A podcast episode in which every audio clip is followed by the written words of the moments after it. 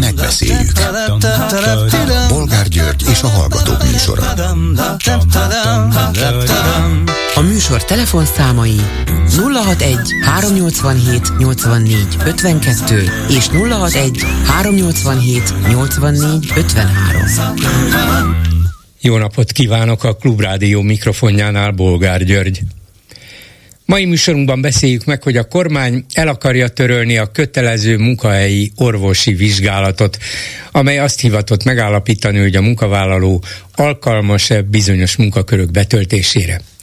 Semmilyen Zsolt miniszterelnök helyettes szerint erre az intézkedésre a bürokrácia csökkentése, valamint a versenyképesség növelése érdekében van szükség. Nem csoda, hogy a magyar miniszterelnök a világon a legversenyképesebb, hiszen, mint tudjuk, ennek a munkakörnek az elvégzéséhez nem kell alkalmassági vizsgálat. Úgyhogy nem akadályozza őt sem a bürokrácia, sem egyéb okvetetlenkedés.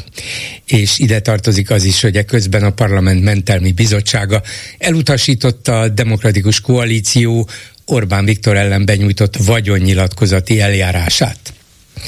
Erre szerintük azért lett volna szükség, mert sajtóhírek szerint az édesapja nevén lévő 60 pusztai birtokon, kastélyban vagy épület együttesben rendszeresen végzi munkáját fontos emberekkel, politikusokkal, más tárgyaló partnerekkel találkozik, vagyis ezek szerint a családi birtokon végzi munkáját. Vajon miért? Minden esetre a vagyonnyilatkozati eljárásból nem lesz semmi, de hát még szép, nem? Ezzel is csökkentenék a kormány fő versenyképességét, pedig éppen a családi gyarapodás bizonyítja, hogy milyen remekül megy itt minden. Mit szólnak ezen kívül ahhoz, hogy távozik a Magyar Orvosi Kamara éléről Kincses Gyula, pedig ő volt az, az egész magyar egészségügyben, akinek a nevéhez az elmúlt évtizedek legnagyobb egészségügyi sikere köthető, a hatalmas orvosi béremelés, valamint a hálapénz betiltása. Ebbe is bele lehet bukni, vagy mondjuk így, bele lehet fáradni? Mi a véleményük továbbá arról, hogy Vignyánszki Attila, a Nemzeti Színház vezérigazgatója, a Magyar Nemzetnek adott interjújában már nem szólt a leilletve felmondásáról, arról viszont igen, hogy sokan kihasználják a színház színészeinek súlyos múlt heti balesetét, és nemtelen támadást indítottak a színház és az ő személye ellen. Ezek után tehát meg kell védenie a színházat, és saját magát is, ugye? És végül beszéljük meg, hogy Ungár Péter, az LMP társelnöke szerint Márkizai Péter több kárt okoz az ellenzéknek, mint bárki más. Ezt nem egészen értem, de lehet, hogy nem is kell, mert Ungár az utóbbi időben egyre nagyobbakat mond, és ez a nyerő módszer. Telefonszámaink még egyszer 387 84 52 és 387 84 53. Háló, jó napot kívánok! Jó napot kívánok, vidéki közgazdász. Parancsoljon. Én még tegnapról maradtam, de van átkötés, mert a Vignyánszki ügy az még mindig téma, úgy hallom. És hát, ugye ez a, azt szerettem volna megkérdezni, hogy ezt a tragikomédiát, ezt a Vignyánszki félét, ezt kirendezte? mondjuk azt, hogy a, a tragikus baleset az, az egy véletlen esemény volt, hogy pontosan mi játszott közre benne, azt nem tudjuk. Talán a vizsgálat kideríti. Hogy utána kirendezte, hát erről megoszlanak a vélemények, vannak olyan feltételezések, hogy ő maga annyira megrendült a szerencsétlenség hatására, hogy úgy látta, hogy nincs más út, mint benyújtani a le Magyar György szerint felmondását, mert más nem lehetett, csak uh-huh. felmondani lehetett volna, de mások szerint meg hát két nap gondolkozási idő után a kormány propaganda irányítói találták azt ki, hogy hát be kell nyújtani a lemondást, de azonnal ki fognak állni melletted az összes barátaid, tisztelőid, kulturális intézményvezetők, és arra fognak rá bírni, arra fognak kérni, hogy maradj a helyeden. Én ezt az utóbbit is el tudom fogadni, főleg ennek az új Magyar Nemzetes interjúnak a fényében, vagy olvastán. Hát igen, minden esetre jogilag egy érdekes helyzet, hogy olyat nyújt be, ami biztos nem rá vonatkozik, ez a, hogy milyen, milyen viszonyban is van ő, hogy nem alkalmazotti viszonyban, hanem vállalkozói jogviszonyban. Igen. Az jutott eszembe, amikor a miniszter félrelép filmben volt, hogy önök között milyen viszony van, és akkor azt mondja, hogy feszült. Ez, erre is vonatkozik természetesen, de tragikus ez az egész dolog. Minden esetre ez szépen sorba állítható az egyéb ügyeknél is, hogy van egy látszatvilág, meg van egy valóságos. E, tehát, hogy van egy olyan, hogy mi miatt kellene egy normális világban az embernek lemondani, és ebben a nem normálisban pedig amiatt kell lemondani csak, hogyha valaki mondjuk e, egy ilyen bejelentkező beszédében rosszat szól az operában, vagy valami úton, módon felségsértést követel, azt nem lehet, de szakmai hibákat, meg emberi dolgokat az nyugodtan elkövethet, illetve olyan pozíciók vannak, hogy úgy vannak megalkotva, hogy szakmai hibával ne lehessen benne megbukni. Uh-huh. Hát nem lehet Vinyánszki Attilából bukott ember. Nyilvánvalóan közvetlenül nem felelős a történtekért, hiszen ott se volt, nem, nem ő csinálta a díszletet, nem ő... Hát nem ő csinálta a díszletet, de, de ő, ő volt a rendező. Persze, ő volt a rendező, és ő a színház vezetője. Egy, egy hát és ugye azt mondták, hogy azt, hogy életveszélyes az díszlet, azt már jelezték ő felé is. Na erre kitér ebben a bizonyos interjúban, azt állítja itt, aztán kiderül majd a vizsgálatból, vagy nem, de feltételezem, hogy a rendőrség is megkérdezi, hogy két évvel ezelőtt a főpróba hetében volt olyan színész, aki a műszaknak jelezte, hogy van egy olyan rész, amit lehet, hogy alakítani kellene, így beszélt most Vinyánszki, de a vasfüggöny adottságai miatt ezt nem lehetett megtenni. És azt is mondja, hogy ez, hogy többen állítólag jelezték, hogy kockázatosnak tartják a díszletet, erre egyértelműen azt válaszolta, hogy hozzám ez nem jutott el. Tehát uh-huh. rög, rögtön... Hát nem tudom, a rengeteg feladatával, igen, amit igen. vállal, én nekem az az érzésem, hogy ez megint a nagyfőnöknek így egyszerű, hogyha színházi ügyről van szó, akkor egy embernek kelljen csak referálni erről az egészről, illetve az, annak az egynek kell minden titkot tudni, ami, amit nem szabad mondani, illetve amit helyette kell mondani.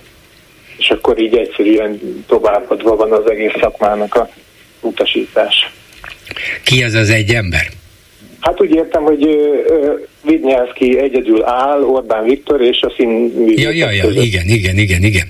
És persze, igen, mert te még ebben a, ebben a szereposztásban még Csák János is csak statiszta eszembe jut, amit a Dési János úr nagyon szépen kibontott utána az esti gyorsban, hogy... Nem, nem kell túlzásba vinnie a kollégáim dicséretét azért. Én, mondja. Jó, csak én, én, kedvelem a Janinak a... Én is kedvelem, mondja, mondja, csak Igen, én is kedvelem. Tehát, hogy e, arról volt szó, hogy még a major e, annak idején személyesen próbálta ki az új díszleteket, mondjuk a tehetbírást Vignyászki biztos jobban tudná tesztelni, mint a major annak idején. Ezt, ezt, nem, ezt nem nem is a Dési mondta, lehet, hogy ő is megismételte, de az én műsoromban jelentkezett egy korábbi főügyelő, aki, aki elmondta azt, hogy annak idején Major Tamás mindent személyesen ellenőrzött, minden ilyen nehéz, vagy a színészek által nem szokott fordulatot, mozgást, amit be kellett mutatni, és esetleg díszlet meg egyéb közbeiktatására volt szükség, uh-huh. azt ő maga kontrollált, megpróbálta meg, illetve megcsinálta, hogy ezzel is jó példával járjon elő. Szerintem Dési ezt hallotta, és aztán uh-huh. megismételte, amit nagyon jól Akkor most másnak az érdemét rá Nem, nem, nem, hát egy szakember beszélt erről saját Igen. tapasztalatai alapján, és az nem baj, hogyha ez tovább terjed. Hát mindesetre ez egy nagyon érdekes dolog, mert a major is elég autoriter személy volt, viszont másik oldala is van ennek. Tehát utána viszont soha a személyes felelősségtől nem tartózkodott. Tehát ő volt, aki megmondja, viszont tudjuk az érdemeit, de most nem akarom elvinni ebbe az irányba. annak idején a zsidóüldözéskor is, ami mentesítést csinált. Tehát emberileg maximálisan a másik oldalt is megjelenítette. Igen, hát Még egy, akkor te, igen?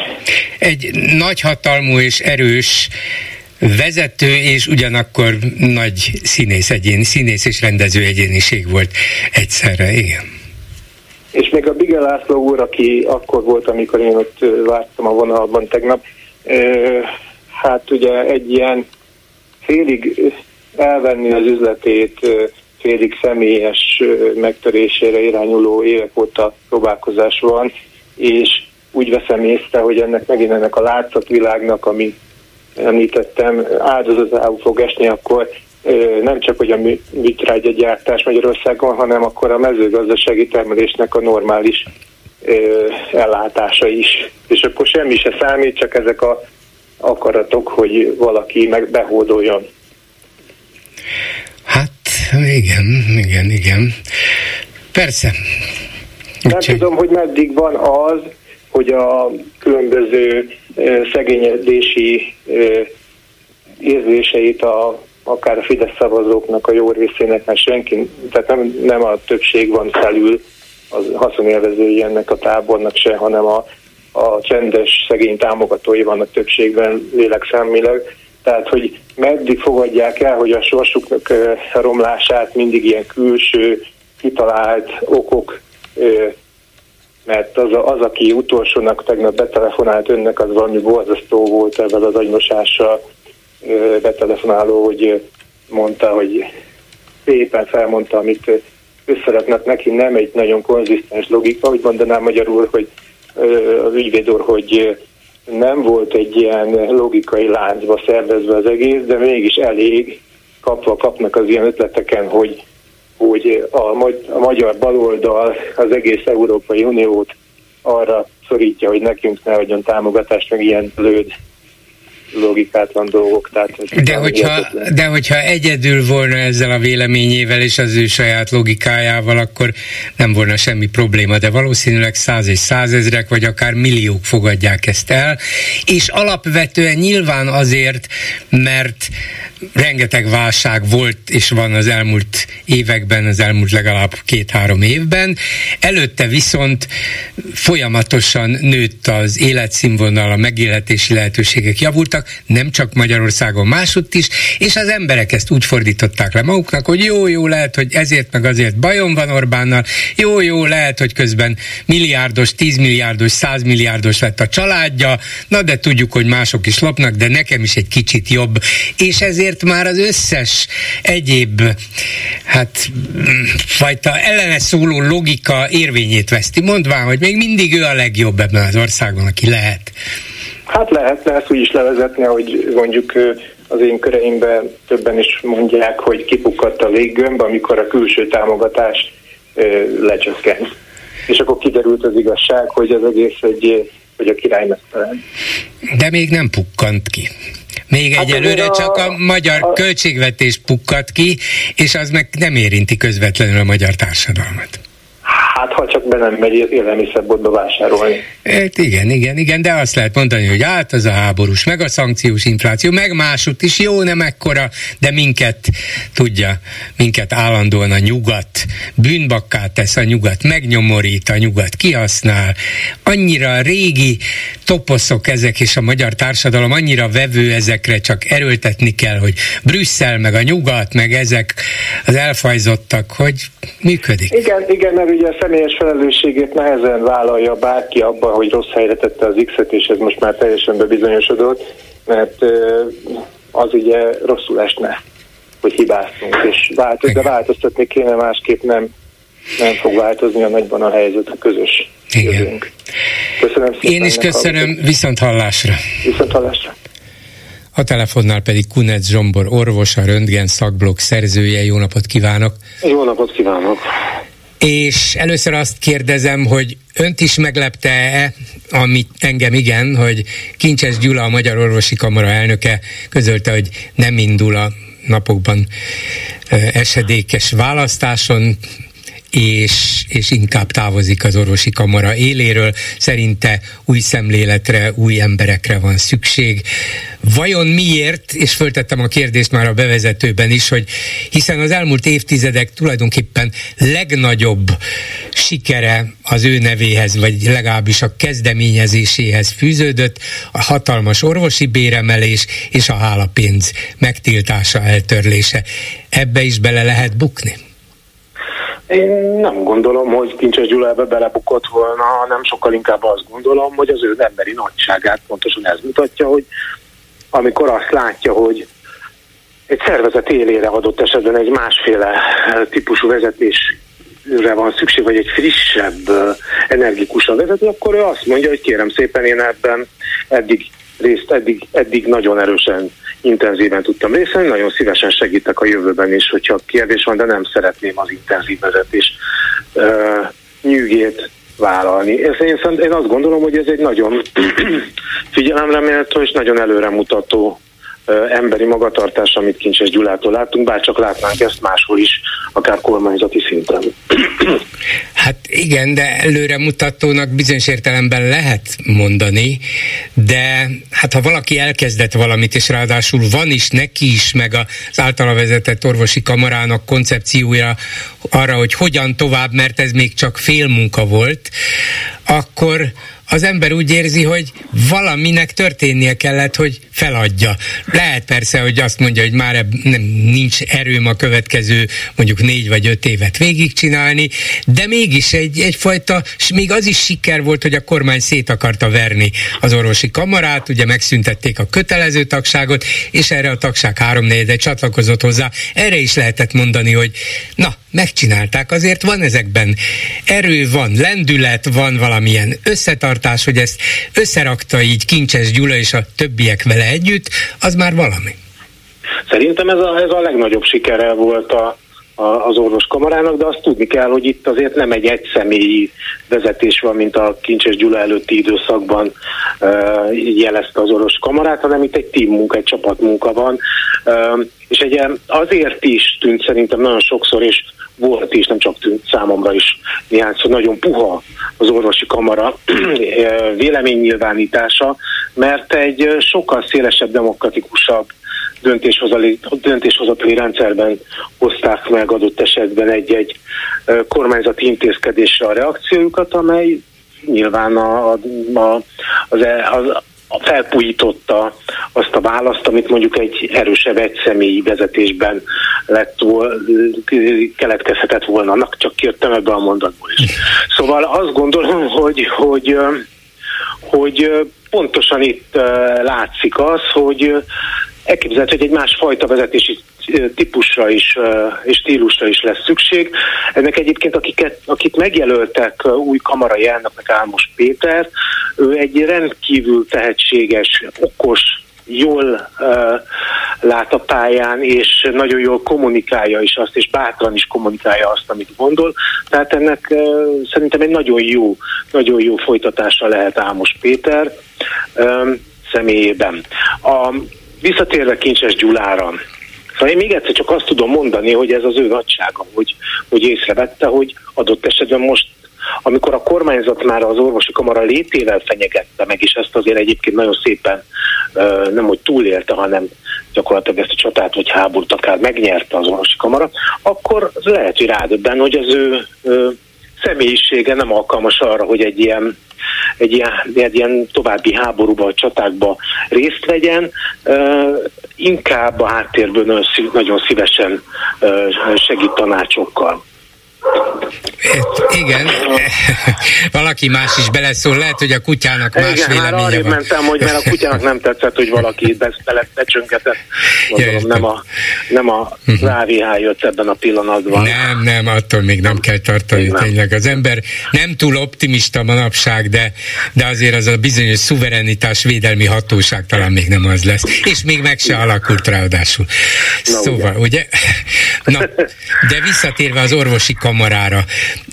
Azt mondja, hogy kincses, óvatos volt és diplomatikus, és lehet, hogy ebben az is szerepet játszott, hogy ő egy időben vállalt politikai szerepet, volt egészségügyi államtitkár is, és ezt a személyre is hányták a kormány oldalon, hát rögtön lebaloldalizták, pedig ugye ő az MDF-ben vállalt szerepet, és aztán persze csatlakozott a, ahhoz a kormányhoz, amelyet a jelenlegi nagyon nem szeret, de mégsem lehet őt egy baloldali szakpolitikusnak nevezni, de lehet, hogy ez a politikai, igen, ez a politikai szerepvállalás valamilyen módon ráégett, és ezzel állandóan lehetett őket bombázni, akkor jöjjön egy új nemzedék, amelyik nem volt a politikában, ők csak kizárólag orvosi, egészségügyi szakmai érdekeket fognak képviselni? Szerintem ez a kérdés az addig volt érdekes, hogy addig lehetett ezzel operálni és érvelni, amíg Kincses Gyulát nem választották meg kamarai elnöknek, onnantól kezdve ez egy teljesen inadekvát kérdés. Hmm. Szóval ez nem, nem, nem befolyásolja szerintem sem az ő gondolkodását, sem az orvosi kamara gondolkodását, már csak azért sem, mert még egyszer fussunk akkor vissza egy fél évet kormány meg akarja szüntetni a Magyar Orvosi Kamarát, a Magyar Orvosi Kamara tagságának a több mint kétharmada meg azt mondja, hogy az orvostársadalom több mint kétharmada azt mondja, hogy nem vagyunk hajlandóak ebbe belemenni, kamarára szükség van. Föl sem merül Kincses Gyulának a politikai gondolkodás elkötelezettsége. Egyébként azt hozzá kell tennem, hogy nehéz a ma Magyarországon Kincses Gyulánál rátermettebb vagy hogy összetettebben gondolkodó és megfelelő ismeretekkel rendelkező egészségügyi szakértőt találni. Tehát ő, ő a, abban, amit csinált, és nem csak a kamara szintjén, abban ő mindig a toppon volt, nem véletlenül, hogy egyébként ő különféle kormányoknak is a szakértője volt, hiszen pontosan azért, mert olyan szakértelemmel rendelkezik, amelyet egyébként minden kormánynak teljesen mindegy a pártállásról, hogy milyen szüksége van. Ő egy azt gondolom, hogy így, így ebben az esetben egy teljesen pártoktól független, vagy felettálló szakértő, aki, aki, aki most háttérbe vonul, mert úgy gondolja, szerintem, de ezt nem tudom, mert ez az én véleményem, szerintem úgy gondolja, hogy most egy másfajta vezetés, egy frissebb vezetésre van szükség. Igen, hát ebben van, és lehet is valami igazság, sőt, feltételezem, hogy az igazság egy része ott van, ahol ön feltételezi, de maga Kunec írta azt a távozását bejelentő írásában vagy közleményében, hogy olyan új elnök aki megújítva az új helyzethez adaptálva viszi tovább az elmúlt négy év munkáját, és a következő, itt a hát lényeg, akire az árnyéka sem vetül a politikai kötődésnek. Ezek szerint ő úgy érezte, hogy bizony rá vetült ez az árnyék, vagy mondjuk így a kormány vetette rá ezt Szerintem az árnyékot. Ezt, ezt most belemagyarázunk ebbe a mondatba. Szerintem pontosan arra gondolt, hogy, hogy a kormánytól független a jelenlegi kormánytól független, vagy a jelenlegi kormánynak nem lekötelezett vezetője kell, hogy legyen a mhm. Magyar Orvosi Kamárának. Ja, és szerintem abszolút nem ez a track, amit, amit, amit gondolkodtunk. Nem hiszem, még egyszer mondom, ez, addig, ez a kérdés addig merült föl a tagságban is, amíg kincsen hogy, hogy jaj, nem, nem lesz ebből baj, ugye? Értem, értem, igen, igen. És de már nem, nem, nem de ez, ez a kérdés négy éve nincsen asztalon. Uh-huh. Értem, értem. Értem, és nem lett belőle baj, de azért az orvosi kamara nem tudott persze mindent elérni, ezt maga Kincses is elismeri, miközben ezt a két óriási dolgot, sőt tulajdonképpen hármat, hogy megtartotta, életben tartotta az orvosi kamarát, amelyet szét akartak verni. Szóval ezt mindenképpen hozzá kell kötni, és ebben biztos, hogy elévülhetetlen szerepe volt. De mit kellene most csinálni a Magyar Orvosi Kamarának? Én, én nem aspirálok a orvosi kara elnökségre, tehát én nem szeretném én megmondani, hogy mit kell csinálni a köztes, köztestület, a köztestületi szervezetnek, hiszen még egyszer én nem aspirálok semmilyen pozícióban erre a, e, e, e, ebben a kamarában.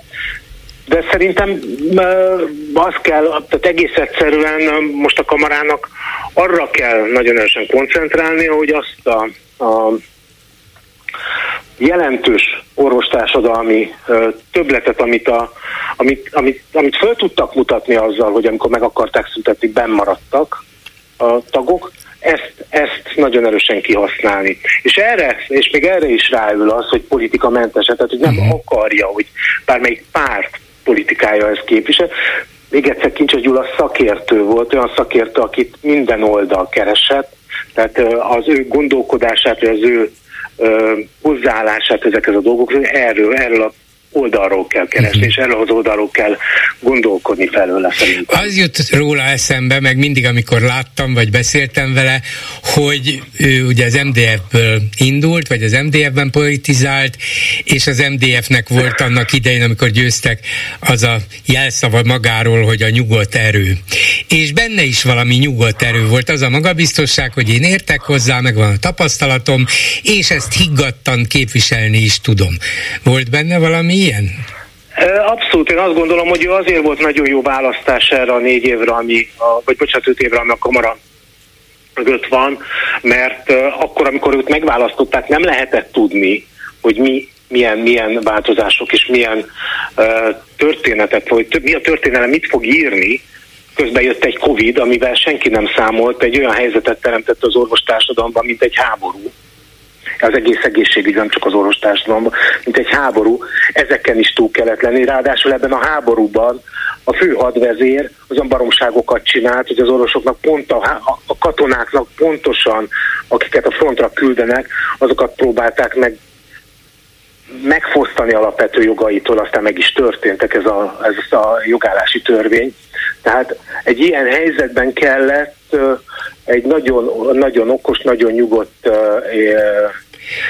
vezetést mutatni, és szerintem ez, szerintem ez sikerül. Mhm. Határozott szerintem volt ebben... és diplomatikus egyszerre.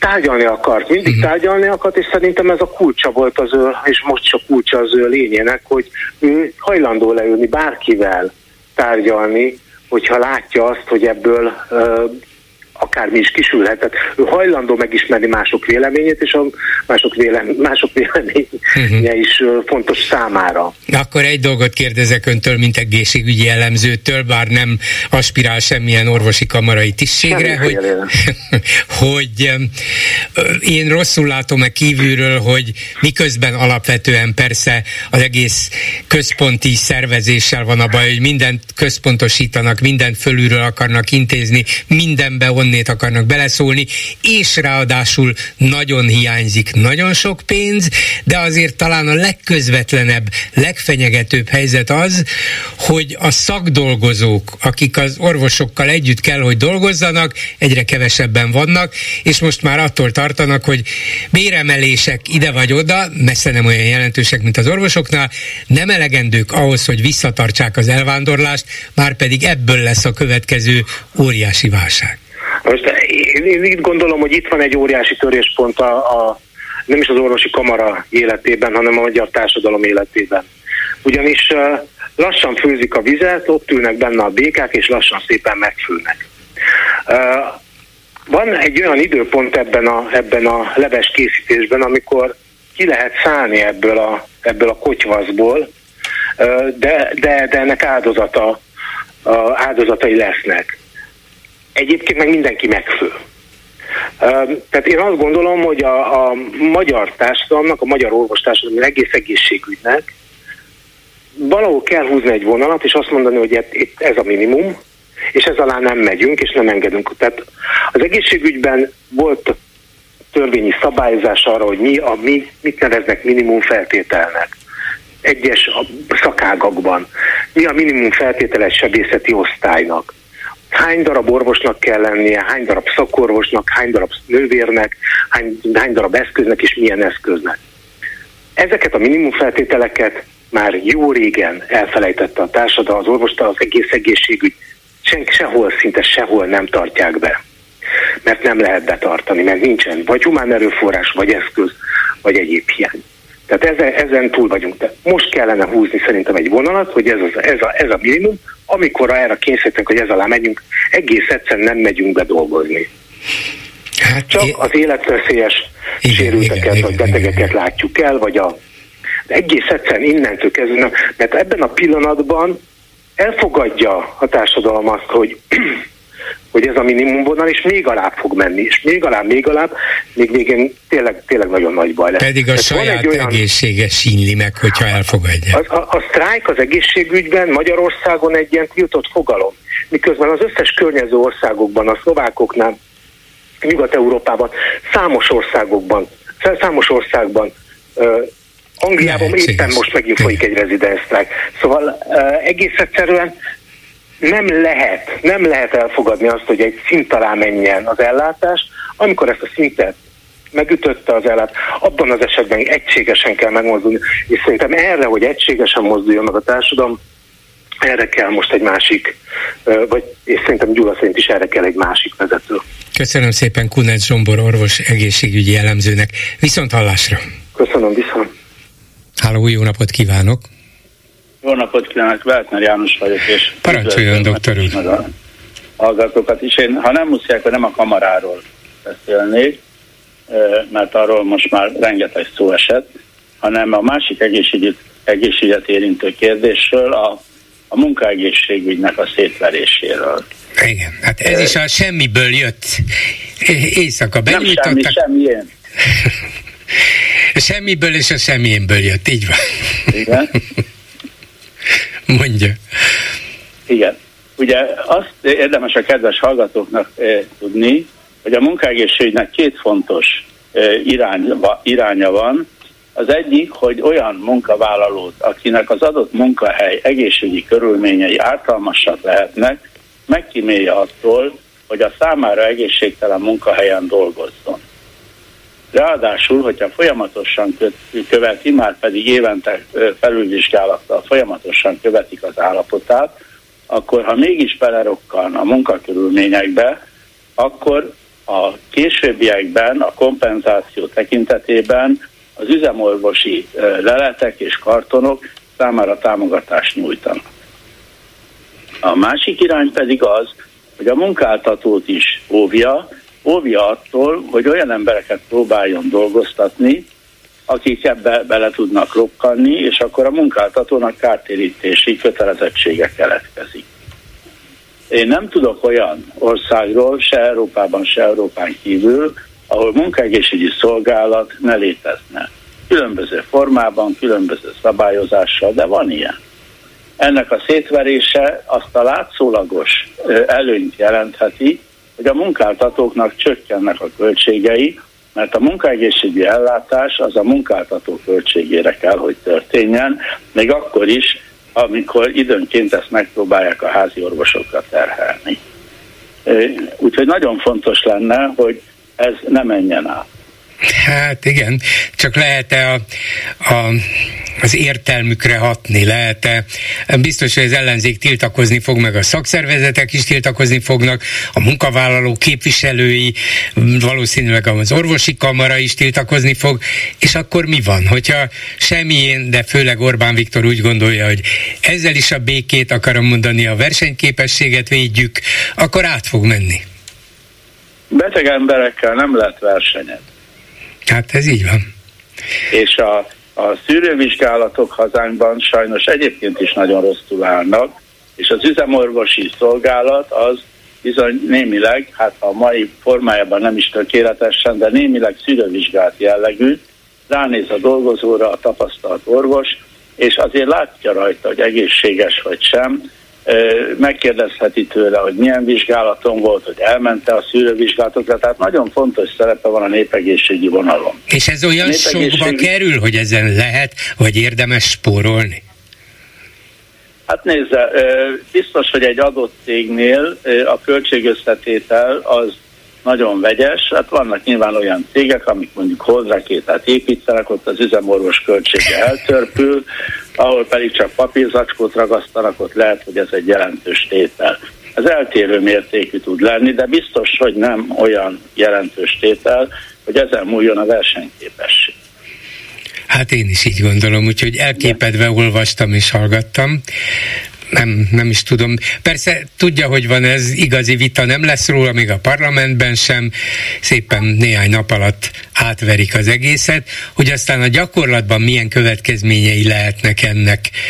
Mert ugye annak, hogy valamit nem végeznek el, egy ideig nincs következménye, aztán valami történik, valamilyen baj, valamilyen botrány, valamilyen abszurdum, ami, amiről ez, az embereknek eszébe jut, hogy hát ha elvégezték volna ezt a munkaalkalmassági vizsgálatot, akkor ez biztos nem következik be, de az lehet, hogy egy év, két év, öt év.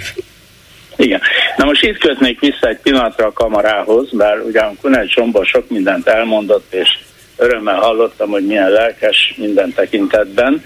Egy szempont azonban nem merült föl, nevezetesen az, hogy a jelenlegi kormány pillanatnyilag nem tekinti partnernek az orvosi kamarát, részben a státusztörvényel kapcsolatos állásfoglalása miatt, részben Hát szóval néhány egyéb okból, mint tudjuk, és ugye ennek a folyamánya volt, hogy az összes egészségben működő kamarával ellentétben az orvosi kamaránál megszüntették a kötelező tagságot. Én nekem az a magánvéleményem, hogy a kötelező tagság egy hivatásrendi testületnél, amelyiknek etikai feladatai is vannak, és etikai szankcionálási kötelezettsége és lehetősége van, ott viszont mindenkinek tagnak kell lenni, mert nincs olyan, hogy némelyek az etikai jogszabályok hatája alatt vannak, mások meg nem. Uh-huh. Úgyhogy... És, ö... és lehet, hogy Kincses abban reménykedik, hogy egy új vezetés talán el tudja ezt érni, hogy visszaállítsák a kötelező tagságot? Azt gondolom, hogy lehet, hogy ez megfordult a fejében, erről nem beszéltünk, bár a 80-as évek közepe óta vagyunk mindenféle kapcsolatban, kezdetben informatikai területen, aztán egészségpolitikai kérdésekben, finanszírozási kérdésekben, és ez egy, ha fölmerült benne ez a gondolat, az teljesen logikus lenne. Uh-huh. Tehát, hogyha az új kamarai vezetés gyakorlatilag minimálisan különbözik a korábbitól, és nem csak Kincses Gyuláról van szó, hanem a többiekről is, akik vagy vállaltak, vagy nem ismét funkciót, vagy vállalnának, ha megválasztják őket. Lehet, hogy azt gondolja, hogy a kormány egy teljesen új összetételű elnökséggel talán felújítaná a mhm. kapcsolatot és a, és a párbeszédet, hiszen mindazokban a célokban, amit a kamarának el kell érnie, legyen az szakmapolitikai kérdés, egészségpolitikai kérdés, népegészségi kérdés, vagy bármi más, ott a kormányjal való partnerség nem nélkülözhető, még akkor sem, hogyha a siker esélye nagyon gyakran a nullához közelik. De mondani kell. Így van, igen. Köszönöm szépen főorvos úr, hogy jelentkezett. Viszont hallásra. Nagyon viszont hallásra. A telefonnál pedig Bánkuti András kiváló fotós. Szervusz András, Szervusz, szervusz. Az MUOSZ, a Magyar Újságírók Országos Szövetsége fotóriporteri szakosztályának elnöke, a Digitális Fotómagazin főszerkesztője, a Mai Manóház Magyar Fotográfusok Háza egyik alapítója. Na szóval, ki más, ha nem te, tudnál mondani nekem néhány szót arról, hogy hogyan fogadta a szakma, bár nyilván nem vagytok állandó, mindennapos kapcsolatban, vagy nem, járat, nem jártok ugyanabba a hatalmas kávéházba, hogy az elmúlt hetekben két fotós botrány is kirobbant Magyarországon, az egyik a Nemzeti Múzeum főigazgatójának kirúgásával végződött, a másik a Néprajzi Múzeumban pedig azzal, hogy az ottani főigazgató kordonnal zárt el egy kiállítás részletet a kiskorúak elől, mert hát erkölcstelen fotókat lehetett volna ott látni. Gyermekvédelmi törvényre hivatkozva történt mind a kettő. Hát gondolom azért fotósoknak fotóriportereknek és fotóművészeknek is van, vagy lehet erről véleménye. A Magyar Fotóművészek Szövetségének tegnap nem volt. Nem volt. Hát nekem van, tehát én most saját véleményemet mondom, de nagyon sok fotóriporter és fotográfus kollégádban egyetért hogy ezt nem kellett volna még a 18-as feliratot se kirakni. Én beszéltem a MOSZ jogászával, Rosta Mártonnal is, aki azt mondta, hogy ez egyértelműen nem következik ebből a gyermekvédelmi törvényből, mert hát ez nem egy meleg propaganda volt, hogy úgy mondjam, hanem ott volt rengeteg kép, ezek közt volt egy öregek otthona, ahol ők megemlékeztek valamiről. Nem volt kihívó. Ez olyan, mint hogyha nagy szerencse Freddie Mercury-nak, hogy Dédóra, ő hazájuk című pártnak a egyik oszlopos tagja, az nem, nem, nem volt akkor szavazóképes és parlamenti képviselő, mert valószínűleg a Queen koncert elmaradt volna a Népstadionban, hogyha ők ebbe beleszólhatnak. Hát vagy legalábbis a 18 éven... már nem biztos, hogy eljön egy ilyen országba. Nem szabad, ez az. 18 éven aluliak legalábbis kitiltva. Persze, szóval, hogy mondjam, szóval, és, és, és ugyanakkor meg az ő pacsoraikba is ott ülnek meleg emberek, akik tök tisztességesen jól végzik adott esetben reméljük a munkájukat. Nem azért szeretjük, vagy nem szeretjük őket, mert melegek, hanem azért szeretjük őket, mert jól dolgoznak, ugyanúgy, mint mi. Rengeteg emberről nem is tudjuk. A külföldi világsztárokról tudjuk, a magyarok sztár, magyar sztárok egy részéről is tudjuk. De úgy gondolom, hogy a kiállításnak jó propaganda volt, a politikának, meg a kormánypolitikának annyiból nagyon jól jött, hogy minden másról, a gazdasági helyzetről, egyéb botrányokról, tehát mit tudom én, hogy a Fidesz frakció vezetőjének a felesége mekkora pénzt vesz fel egy nem létező, nem működő cégnek a jogi tanácsadásáért elvileg, tehát szóval egy csomó dologról elvitte a zenét. És erre nagyon jó volt, igazából sok értelme nem volt, tényleg bárki megnézheti online ezeket a képeket. Nyilván a Néprajzi Múzeum igazgatóját én megértem, mert nyilván féltette az intézmény, mert hogyha leváltják, akkor lehet, hogy oda egy másik csókos becuppan 5 perc alatt, és a múzeum nem lesz azon a színvonalon, ami lennie kéne. Hát, sok mindenkit megért az ember, de azért ez mégiscsak alapvetően cenzúra. És hát, a cenzúrával cenzúra, kapcsolatban... de egyetértek, de itt igazából egy, tehát hogy mondjam neked, nem ez az egy cenzúra, ami van Magyarországon. No, nem, nem, nem, nem. Az is egy cenzúra, hogy a sajtó hány százaléka hol van, mit írhat le, megmondják nekik, hogy milyen szavakat nem írhatnak le, Sőt, én még szóval... annyiban is megengedő vagyok, hogy hát azért létezik ilyen, és nem kiabálunk cenzort, amikor például bizonyos filmekre csak 18 éven felüliek mehetnek be. Nem tudom, mennyire tartják be ezt a mozik a mai világban, lehet, hogy nem, egyáltalán nem, de hát ez, ez létezett, és elvileg létezik. Hát ha a filmeknél is van ilyen korhatár, miért ne lehetne akár egy fotókiállításon is?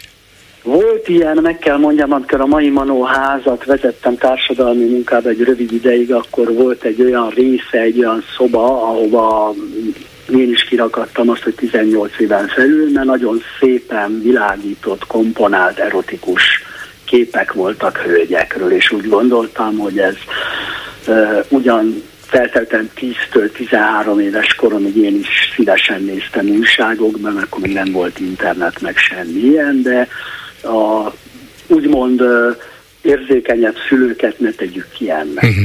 Tudod? De, de, de ez volna az, amiről... voltak, és teljesen mesztelenek. Uh-huh. Tehát egy egész más szituáció. Ezeken a képeken felöltözött férfi emberek voltak, nem, nem kirívó ruhákban, mint amiben az Elton John sokszor fellép. Igen, Tehát, igen, igen. Nem volt benne semmi olyan, inkább egy kicsit humoros volt az anyag, nem volt ebbe bántó, provokáló, tehát én nem éreztem ezt.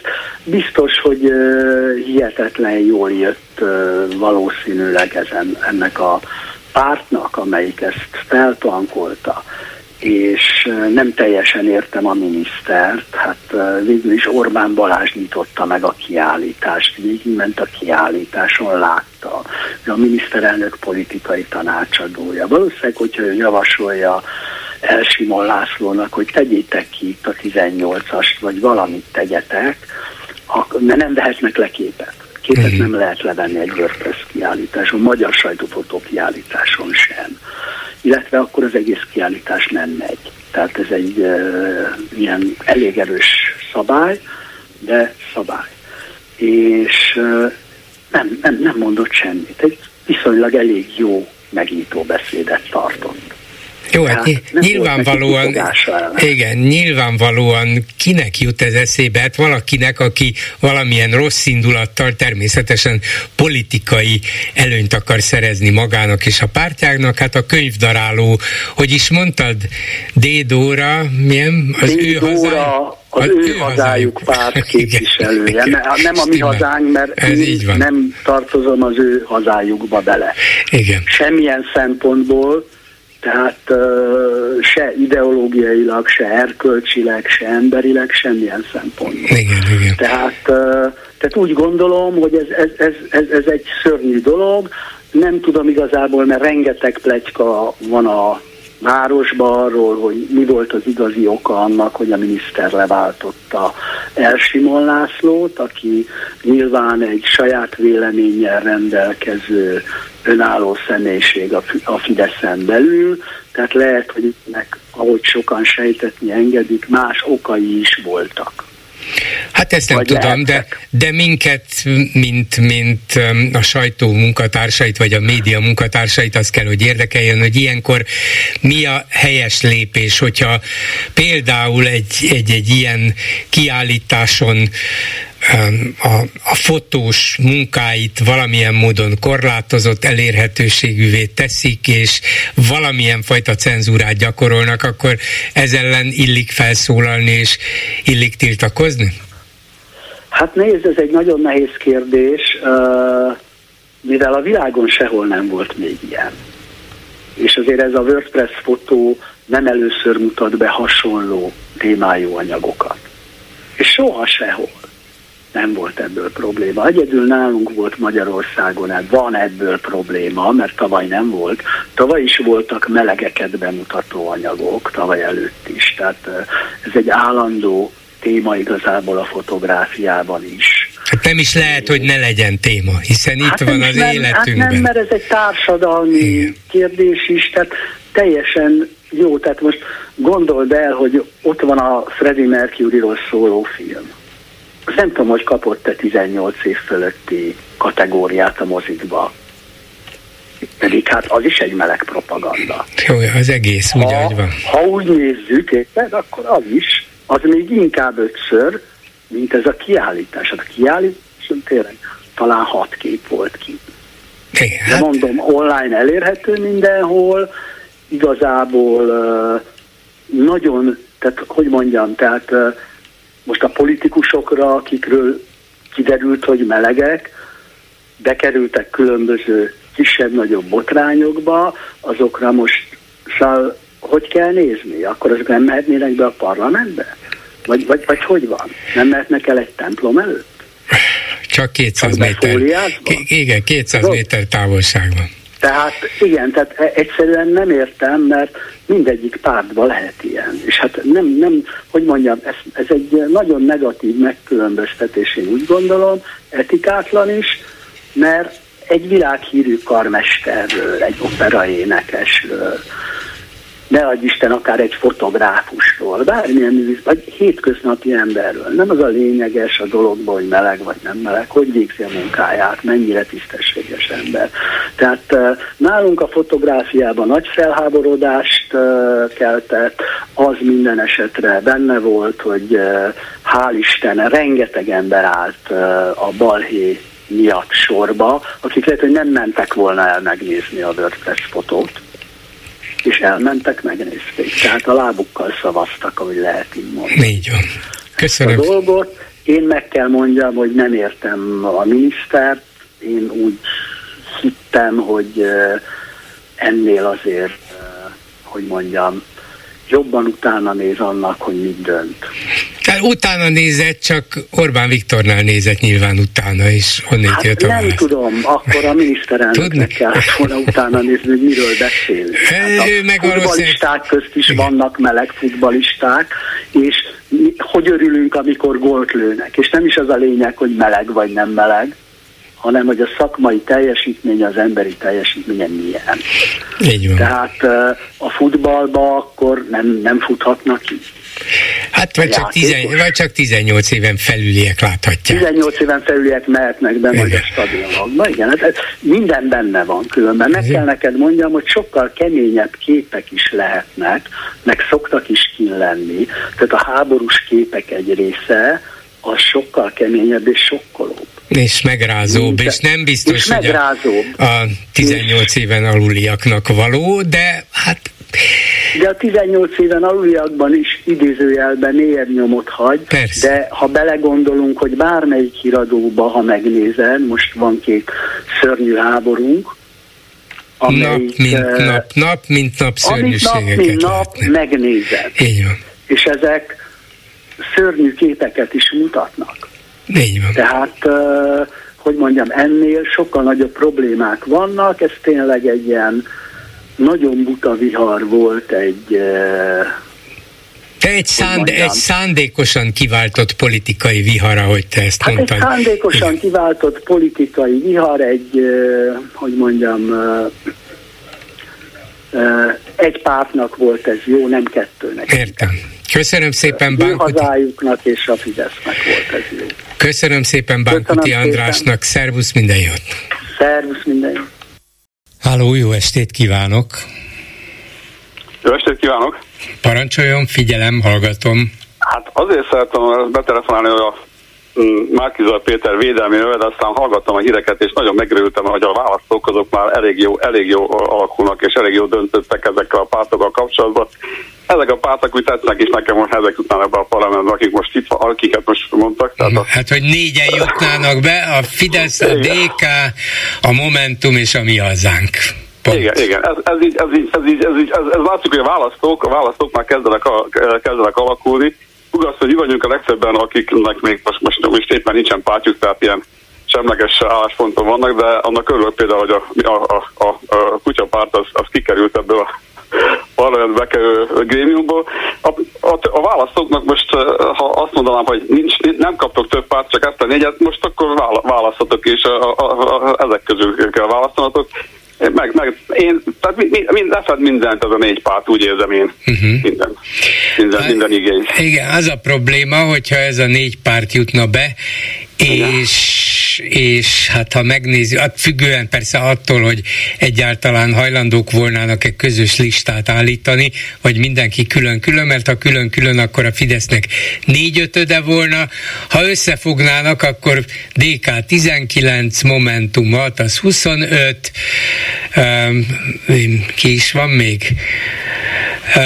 A mi hazánk ugye az 8% os szóval gyakorlatilag arról van szó, hogy a Fidesznek a kétharmada abszolút biztosított. Még a négyötöde is a mi hazánk. A négy, hát mondom, hát a, négy, a mi hazánk a négyötöd mindenképp, persze. Igen, ez, ezek, a, ezek, a pártok, ezek a pártok, akik most vannak, se ha a többit is hozzátesszük, se így nem tudják most jelenleg legyőzni a Fideszt. Az, az, az, az biztosnak tűnik de, de jó lenne, hogyha, hogyha megerősödnének egy kicsit, és, és, és, és, és valami karaktert adnának maguknak. A, a, a Gyurcsány párt az, az, az működik.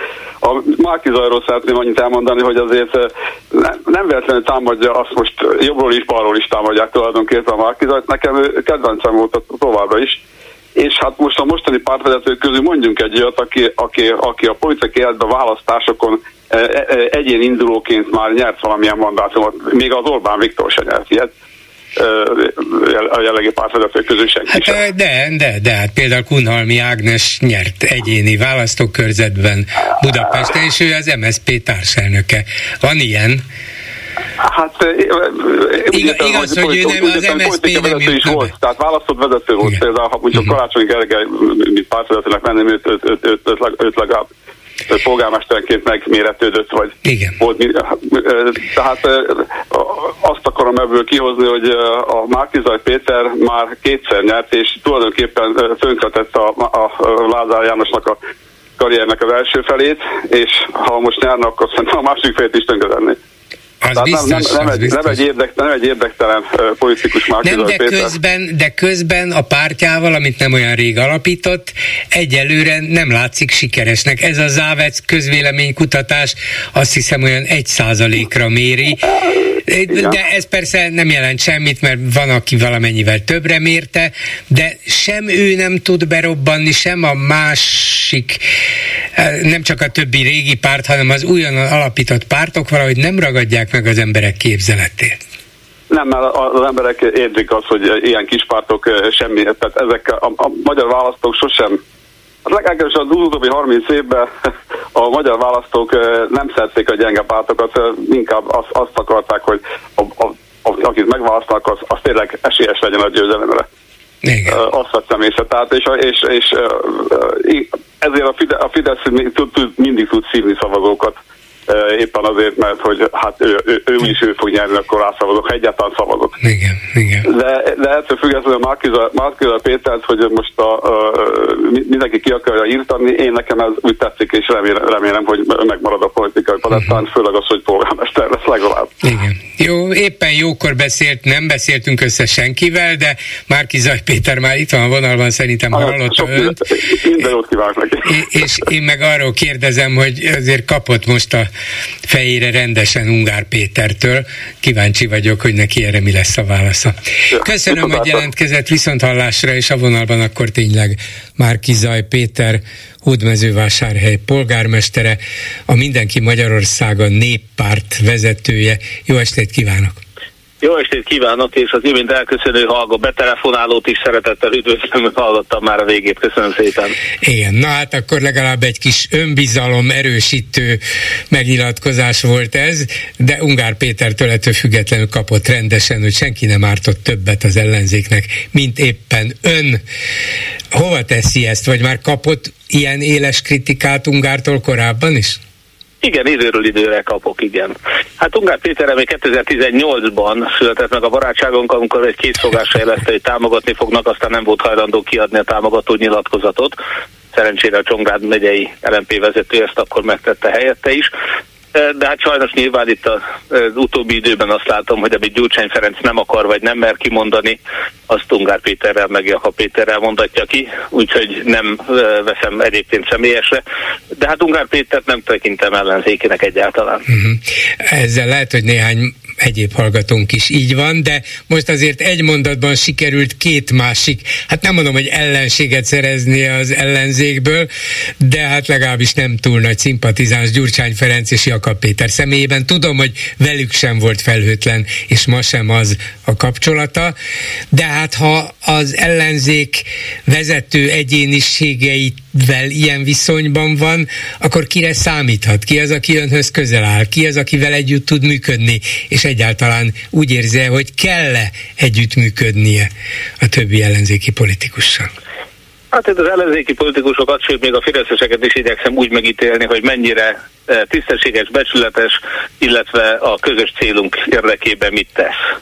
Eh, minden pára jó hír az, hogy minden pártban vannak. Én Keresztes László Lóráncot például nagyon nagyra becsülöm, ugyanabban a pártban van, mint uh, Ungár Péter.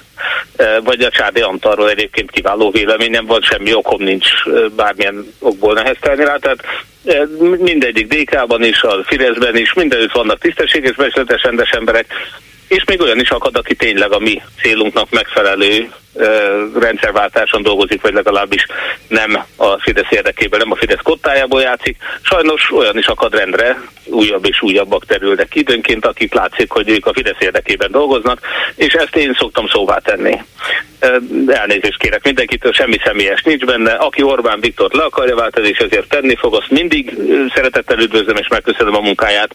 Aki Orbánt akarja hatalomba tartani, hazudozik, lopcsal, az pedig mindig ellenfelemnek fogom tekinteni tekinteni. Uh-huh. De hát Ungár Péter miért akarná egyrészt Orbánt hatalmon tartani, másrészt miért hazudozik lopcsal? Egyszerűen csak neki az a véleménye, hogy nem kéne olyan radikálisan támadni Orbánt, mert, mert ezzel nem jut semmire az ellenzék, és ezt bebizonyították az előző választások. Hát ebben is van valami. Hát azért uh, itt most az, nem Ungár Péterre személyesen kihegyezve, sajnos az ellenzékben is van, aki lopcsa. Nem az Ungár Péterre gondoltam, hogy szeretném leszögezni. Uh, Ungár Péternek az utóbbi időben ezek a megnyilvánulásai, még egyszer azt látom, nagyon sokszor uh, vagy a Fidesz, vagy a DK érdekében nyilatkozik, vagy helyet nyilatkozik. Uh, Gyurcsány Ferenc a szobafestői mázoló között a ságál és hasonló aranyos megnyilvánulásai hát. Sőt, ő Mózes, ő, ő Mózes, aki az ellenzéket elvezetheti az ígéret földjére. Igaz, hogy oda Igen, már hát ez, ez, nem lépett be. tartjuk a véleményét Ungár Péternek. Kevésbé igaz ez azokra a megjegyzésekre, amikor ugye a, a, arról beszél, hogy az ellenzéknek, amit külföldi magyarok adtak támogatást, az egy dermesztően hatalmas összeg, és szerinte ezt ellopták. Ez nem csak egy becsületsértő, hanem kimondottan hazugállítás is, hiszen Ungár Péter és pártja. Ott volt azon hat párt között, akik a teljes ellenzéki kampányt, beleértve a mi kultúra változtató kampányunkat is, felügyelték, többek között éppen azért, hogy ne kerülhessen pénz a pártokhoz. Tehát ő sokkal-sokkal jobban tudja, hogy mi mennyire ment el, mi 42 ezer soron teljesen nyilvánosan elszámoltunk, és hát hogyha véletlen valaki azt hazudná, mint ő, hogy ez egy dervesztően nagy pénz, az vegye figyelembe, hogy csak egy 97%-os nem a szankciókra Fidesz kampány kétszer annyiba került, mint a komplett ellenzéki kampány tavaly. Rendezvényekkel, pultokkal, zászlókkal, tollakkal, Facebook hirdetésekkel, és nem sorolom tovább sapkákig, kabátokig mindenre lebontva ott van 42 ezer soron az elszámolásunk. Aki azzal vádol akár engem, akár a kollégáimat, hogy ezek loptak és nem tudja hova lett a pénz, az nem csak, hogy hazudik, hanem az az ellenzék lejáratására törekszik, tehát ő nem ellenzéki, hanem áruló. E, egy olyan ember mondja ezt ráadásul, aki ott ült a kampányban, még egyszer mondom, tehát minden közös döntésnek részese volt, nem lehet, hogy, tudja. Nem lehet, hogy ezért húzza ki rendszeresen a gyufát, ön akár Ungárnál, akár másnál tegyük fel Gyurcsánynál is, mert nem habozik kimondani azt a szót, hogy áruló, nem azt mondja, hogy téved, nem azt mondja, hogy hát rossz indulatú velem szemben, nem azt mondja, hogy hát az LMP a saját politikai érdekeinek megfelelően nyilatkozik, és kisé elferdíti a tényeket, hanem rögtön leárulózza őket, és ezt Igen. valószínűleg nem veszik jó néven öntől. Igen, ezért elnézést kérek mindenkitől, akit ez sért, már nem azoktól, akikre vonatkozik, hanem akinek a fülét sérti, mint hallgató. Érte. Valóban én a rendszerváltás egyik alapfeltételének tekintem azt, hogy mondjuk ki a valóságot. Az ellenzékkel azért van most egy komoly nézeteltérése a legtöbb ellenzéki párttal, hogy úgy látom, mintha ők elbáboznák. És a hazugságoknak a tengere az valószínűleg éppen azt szolgálja, hogy ők abba hiszembe ringassák a magyar választópolgárokat, hogy itt demokrácia van. Aki ellenzékiként ezt teszi, teszi, az méltó a gyehenna tüzére.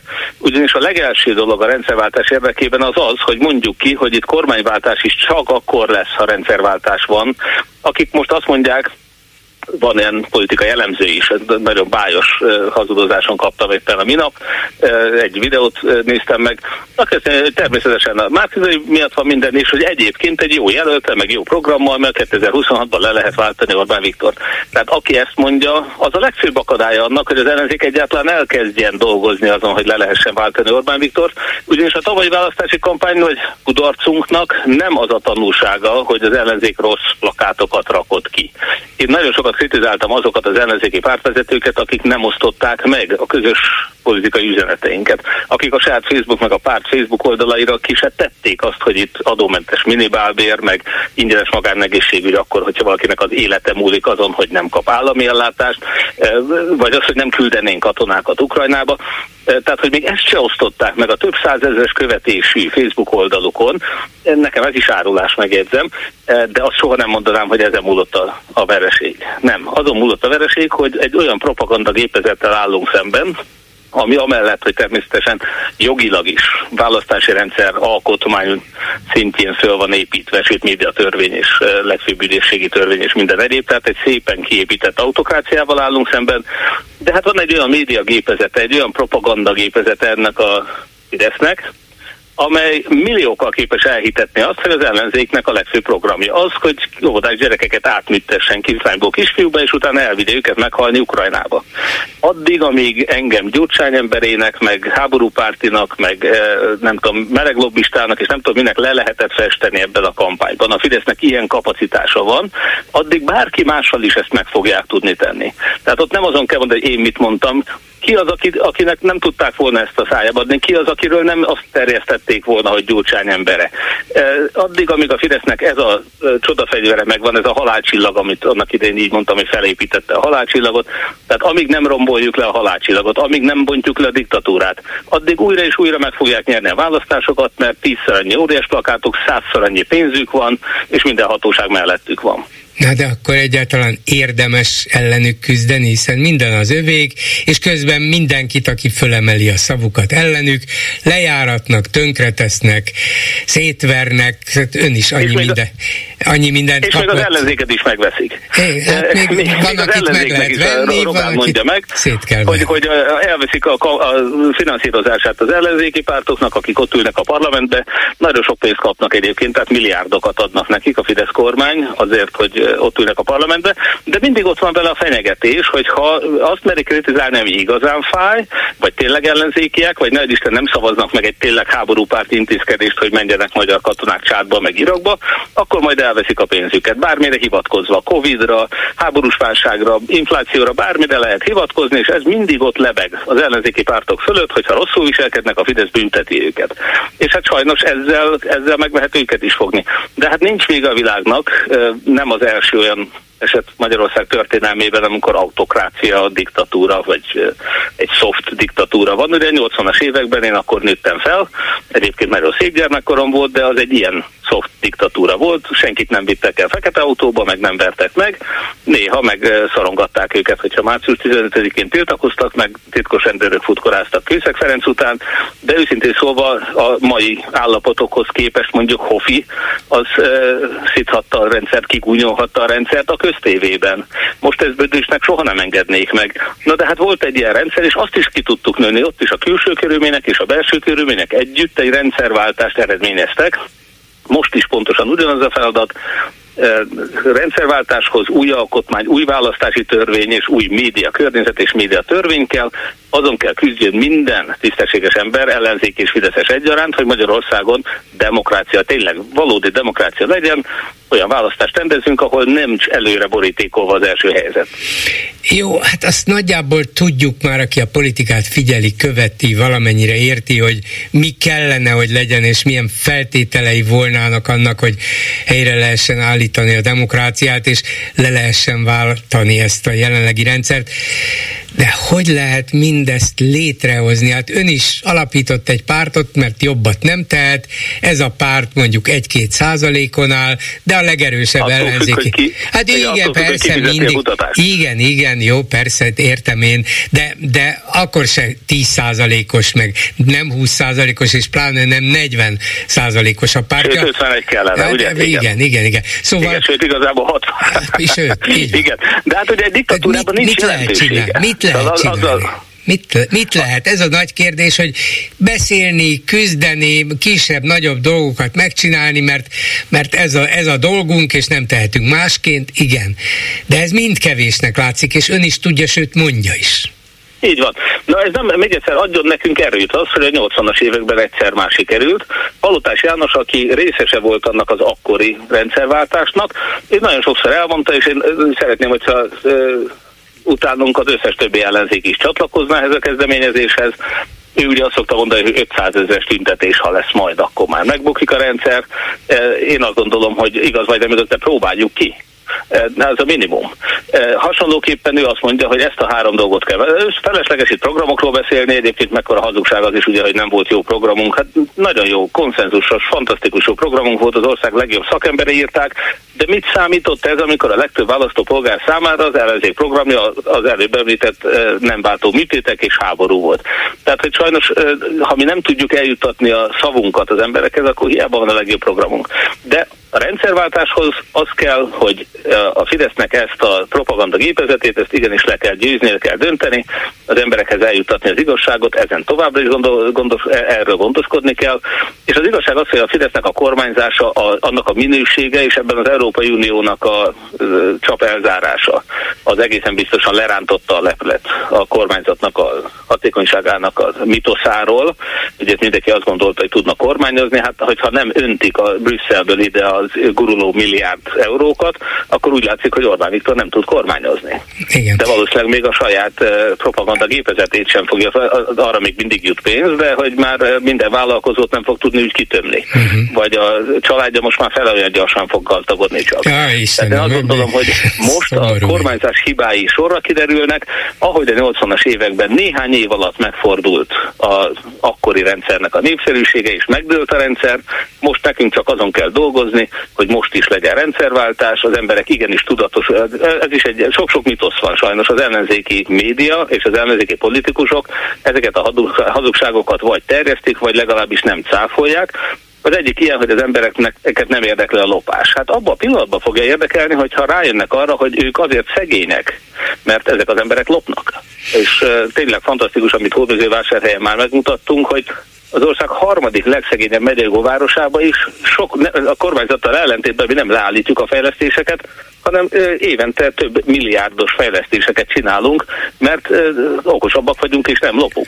Igen, egy dolgot mondjon még, és ez akkor visszavezetés odáig, hogy Ungár Péter hogyan titulálta önt, vagy hogyan minősítette önt, és persze ön is néhány más ellenzéki vezetőt, hogy miután a 80-as években is váratlanul megcsillant az a lehetőség, hogy azt az egypárti puha, de mégis csak diktatúrát le lehetett váltani, ehhez kellett a legkülönbözőbb alapállású, ideológiájú, gondolkodású, de mégis csak ellenzéki embereknek az együttműködése, szövet szövetsége fellépése, aztán az első választás után persze ezek különböző irányba mentek, az egyikből kormánypárt lett, a másikból ellenzék, és így tovább, de függetlenül a személyes sérelmektől, és függetlenül, hogy ön kapott talán a legtöbbet a fejére azért, hogy ilyen csúnyán elvesztették a tavalyi választást. Végül is ön volt a közös miniszterelnök jelölt, tehát nyilván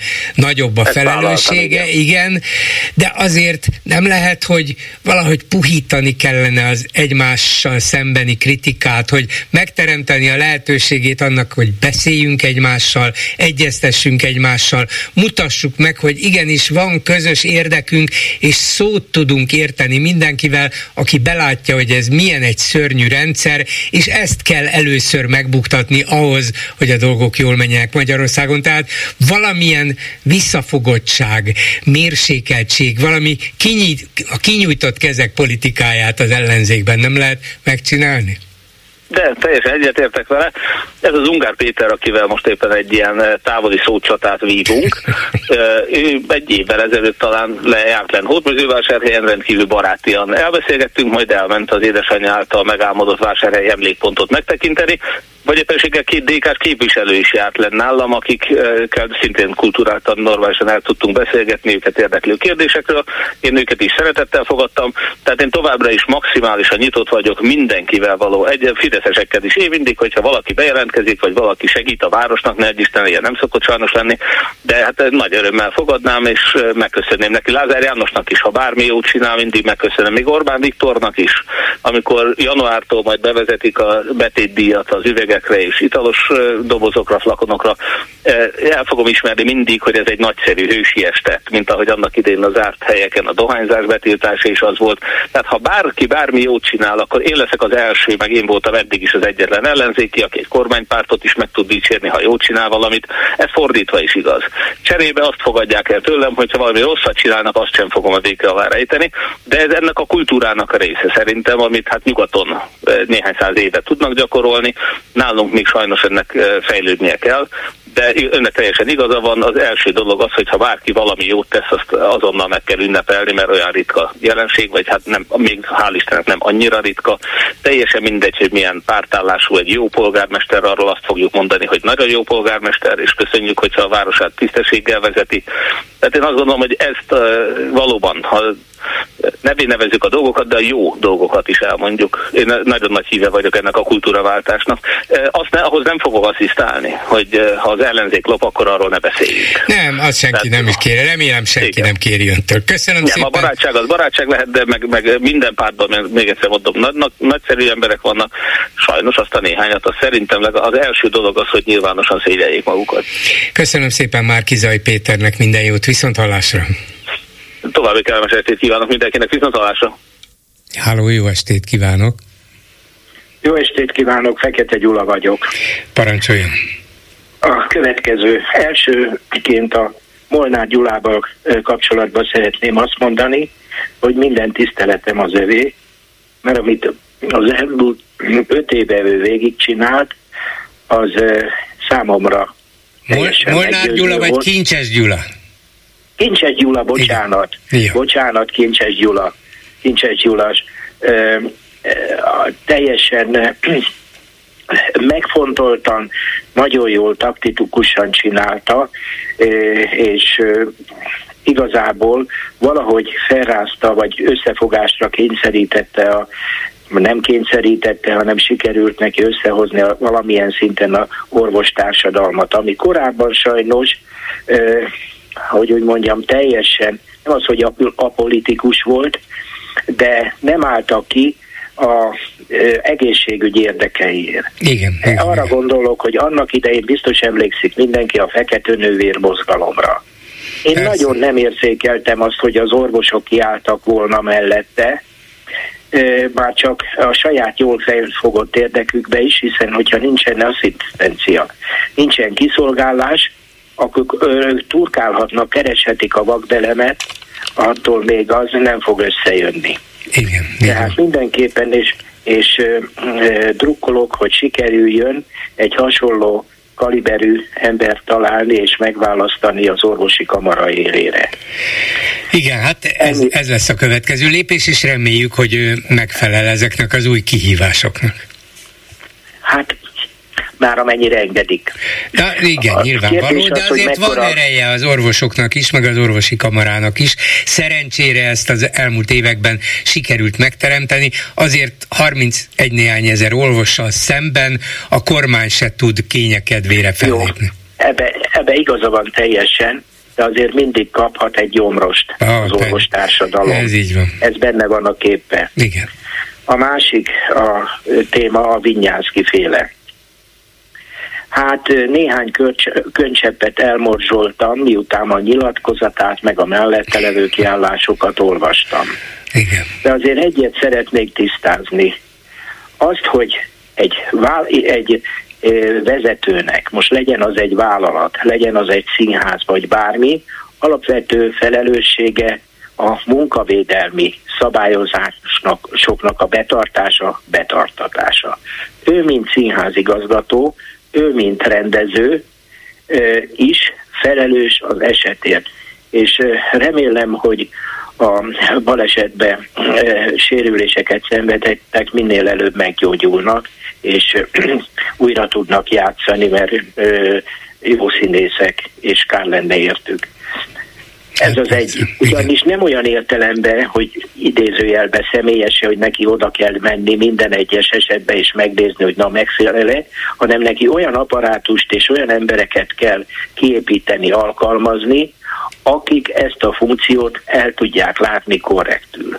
Ha ezt e, nem teszi meg, ez az ő felelősségévé válik minden egyes hasonló horrorbalesetnél, vagy nem horrorbalesetnél. Igen. Na, ez a másik. Akkor átértünk, átérnék a munkavédelembe.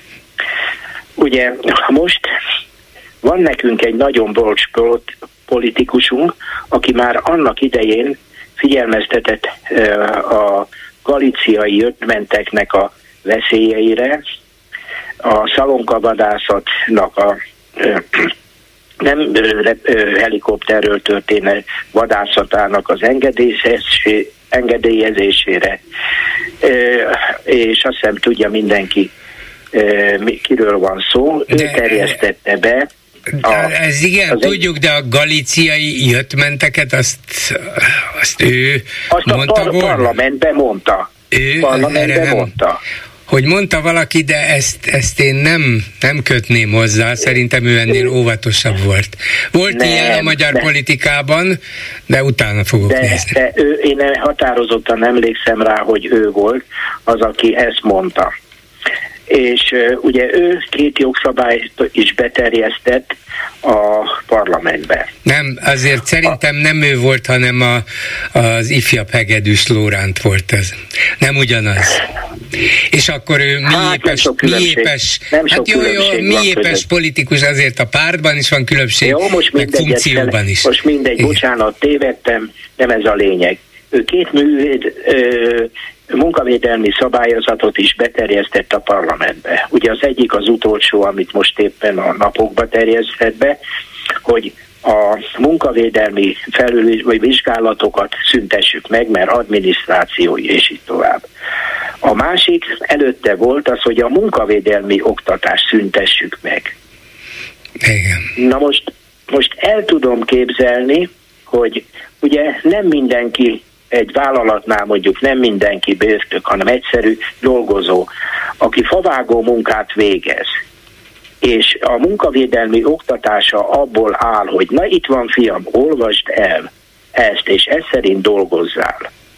Hát, megkér, én nem vállalnék azért az emberért felelősséget, hogy azt úgy csinálja meg. Persze. Ahhoz meg kell gyakoroltatni sajnos. Bele kell verni a fejébe, hogy ilyen szituációban mit csináljál. Ha ilyen rendellenességet tapasztalsz, mit csináljál, és így tovább. Igen, hát e- ez is, ez is fontos. Ugye itt most azért az orvosi alkalmassági vizsgálatokról van szó. Hát erről, de beszél, az is, igen, erről igen, beszélek. igen, igen, igen. Orvosi, igen, erről beszélek. A, a, tehát az, az oktatás nagyon fontos.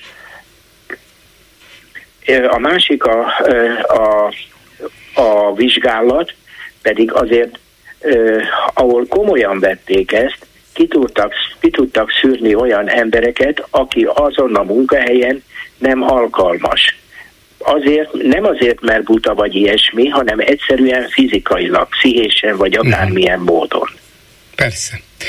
Úgyhogy ez megint egy életveszélyes helyzeteket idézhet elő. Ezt nem volna Úgyhogy szabad én... megspórolni. Egyszerűen nem volna ne, szabad. Ne, ne, hát most költségbe semmi.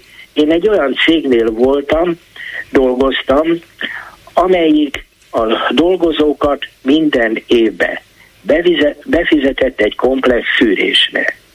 Ez a vérvizsgálattól kezdve az ultrahangig, magasságmérés, testsúlymérés, cukorsz és így tovább. Ezt minden évben minden dolgozó felhasználhatta, és ez úgy zajlott le, hogy a megbízott intézmény az felhívott, hogy na, ekkor meg ekkor, ezen a napon mikor tudok jönni, mondtam, hogy reggel nyolcra. Reggel nyolcra ezen a napon tud jönni, bementem, egy, egy másfél órát töltöttem ott, és minden egyes vizsgálaton keresztül mentem. És marha nagy mázlim volt például, mert egy későbbi hólyag rákot sikerült megelőznöm. Uh-huh. És nem egy ilyen volt kollégámtól, tudom, hogy nála is felfedeztek valami előzetes rendellenességet, és így ő is megúszta a súlyos következményeket. Igen, szóval ez az egyes embernek is jó, a munkavállalónak is jó, meg a cégnek is jó. Ezen, ezen takarékoskodni, ezt szépen félre söpörni, ez, ez abszurdum. És ugye ugyanakkor itt dumálnak így úgy prevenció. Hát azóta is megszoktam, mióta nyugdíjba mentem, hogy két évente legalább elmegyek egy ilyen szűrővizsgálat sorozatra. Hát ma már két évbe telik, mire egy, egy komplet szűrővizsgálatot le tudok zavarni. Igen. Igen, de... Aki feladja, és még én is helyen lakok, tehát ahol azért még e, valamilyen szinten elfogadható a, uh-huh. az orvosi ellátás, bár nem szeretnék bekerülni mondjuk a János kórházba. Akkor Na, er, erről már csak kommentelni sem érdemes, mert sajnos ott még ezekben a tél felé közeledő napokban meg is lehet fagyni. Ugye most az, az orvosi ellátás. Az a legkevesebb. A legutolsó tapasztalatom az volt, hogy felújították a ugye az új szárnyat. És egy ilyen vizsgálaton voltam, tényleg kívülről nagyon szép, meg minden jó, belül is úgy, ahogy felújították, azért a linoleum ott maradt, a tem, csempék azok, hát úgy, úgy, ahogy fugázva vannak, egyszerűen hogy lehet egy ilyen környezetet sterilen, tisztán tartani. És akkor ugye manapság megint megy az, hogy milyen fertőzéseket kapnak az emberek a kórházban. Hát sajnos. Köszönöm szépen, hogy hívott. Viszont hallásra. Viszhallás. Halló, jó estét kívánok. Halló, halló. Halló, halló. Én halló. hallom Én önt. vagyok vonalban? Igen, tessék, hallgatom. Tiszteletem, Sándor vagyok Floridából. Most kapcsolódtam be csak a, hallga, a rádió hallgatósába, a hallgatásába, és nem tudom milyen témák. Az ellenzéki pártokról hallottam. Már, Márki Zaj Pétert már hallottam. Tehát ezzel kapcsolatban szeretnék hozzászólni a műsorhoz. Jó. Hát minden ellenzéki párt, ugye érdekes módon ellenzékinek vallja magát, de hatféle ellenzék van Magyarországon. Ez, ez pont olyan, mint egy autónak nem négy kereke lenne, hanem tíz kereke lenne, és mindegy irányba akar menni, de mégsem menne egy irányba egyetlen egy dologba kellene összefogniuk, és ez az egy dolog, ezt már előző műsorokban is régebben hallottam, a médiá. A médiába kellene összefogni egy olyan nyilatkozatot, vagy valamilyen összefogó hát nyilatkozatot, igen, kiadni, illetve beadni az EU felé, hogy az, az EU kényszerítse a magyar közmédiát irányító szerveknek, hogy az ellenzék is ugyanannyi műsoridőt kapjon a köztévékbe, hisz köztévé, mint a kormánypártok. Ehhez az egy dologhoz kellene kötni az EU forrásoknak a juttatását, mert sajnos az emberek buták. Ez már régebbi műsorokban is elhangzott, hogy amit százszor vagy kétszázszor hallanak, és ugyanazt hallják, még a hazugság is képesek elhinni, hogy az a jó. Sajnos buták az emberek is, de, de másként nem lehet hozzájuk eljutni, mert az elmúlt 13 évben a Fidesz úgy befészkelte magát. Én nekem van egy ingatlanom Magyarországon, nem sok föld, egy 10 hektár földel, volt egy, volt egy szomszédom, most már úgy mondhatom, hogy volt egy szomszédom, aki úgy hitte a kommunistákat mindig, hogy, hogy nem is ismertem olyan embert, aki jobban szét, traktoros volt a kommunista rendszerben, és nemrég körülbelül három vagy négy éve halt meg az illető, és a felesége mondta, hogy tudod Sanyikám, már nekem mondta, mert a, a, ez a szomszédom is Sanyi volt. A Sanyi azt mondja, tudod mennyire utálta a kommunistákat, de azt mondja, a halál előtt azt mondta neki, anyu, azt mondja, tévedtem, akármilyenek is voltak a kommunisták, a nép szempontjából százszor jobbak voltak, mint ezek, akik most vannak. Százszor. Pedig mondom, olyan kommunista gyűjtő uh-huh. volt, hogy az első karóra felhúzta volna a régi vezetőket. Úgyhogy a másik dolog ezzel kapcsolatban, hogy a magyar társadalomban nagyon sokat beszélünk róla, ugye, hogy az emberek nem mozdulnak, nem lehet kimozdítani őket a, a, a, a, abba az állapotból, amiben most vannak. Tehát nem viszik az utcára a bajaikat, semmit. Én, én ebbe azért nagyon nagy hibát látok olyan szempontból, hogy az úgynevezett értelmiség, most ebbe ezt a Polt Péter Ákostól kezdve, aki most is olyan, olyan pozícióban van, hogy nem két-háromszáz ezer forintból tengődik, de ha visszanézünk há, 30 évre, azelőtt is mindig olyan pozícióban volt, hogy azért mindig, mindig nagyon jól élt. Tehát eh, beszélni tudnak, de hogyha a pozícióját föl kellett volna adnia azért, hogy tényleg az embereknek az igazát képviselje, vagy ne, hajtott, ne hajtana végre olyan intézkedéseket, ami száz emberből nyolc vannak nem jó, és húsznak meg jó. E, de magyarul... most azt nem tudtam, hogy kiről, vagy nem tudom, hogy kiről beszél, mert van Polt Péter, ugye a legfőbb ügyész, és van a Bot Péter Ákos, de ott, ott a, aki, ott a, aki a emberek, a Járai Zsigmond, ott van a Békesi László, ott van mindegyik, a, ott voltak a tűz közelében, döntő pozícióban voltak, elnézést kérek döntő pozíció, és most megmagyarázzák, hogy miért nem volt jó. Hát nem tudom elhinni. Kíváncsi lennék, hogy mennyi a Békesi László nyugdíja most. Kíváncsi lennék rá. De hát a Békesi Akár milyen jó szakember, elnézést kérek. De miért baj, hogyha neki jó nyugdíja van? Azért, mert ezek a döntéshozó pozícióban lévő emberek juttatták ide a társadalmat, nem a szerencsétlen belósok meg a parasztok. Hát igen, ezek de... a döntéshozó pozícióban lévő emberek juttatták ide ezt az országot. Na de ha mindenkire azt mondjuk, hogy ha döntéshozó pozícióban voltál, akkor ne kapj nyugdíjat, vagy csak minimál nyugdíjat, akkor senki nem soha minimál. nem... Én azt mondom, hogy 500 ezernél senki ne kapjon több nyugdíjat. 500 ezernél senki ne kapjon több nyugdíjat. Értem.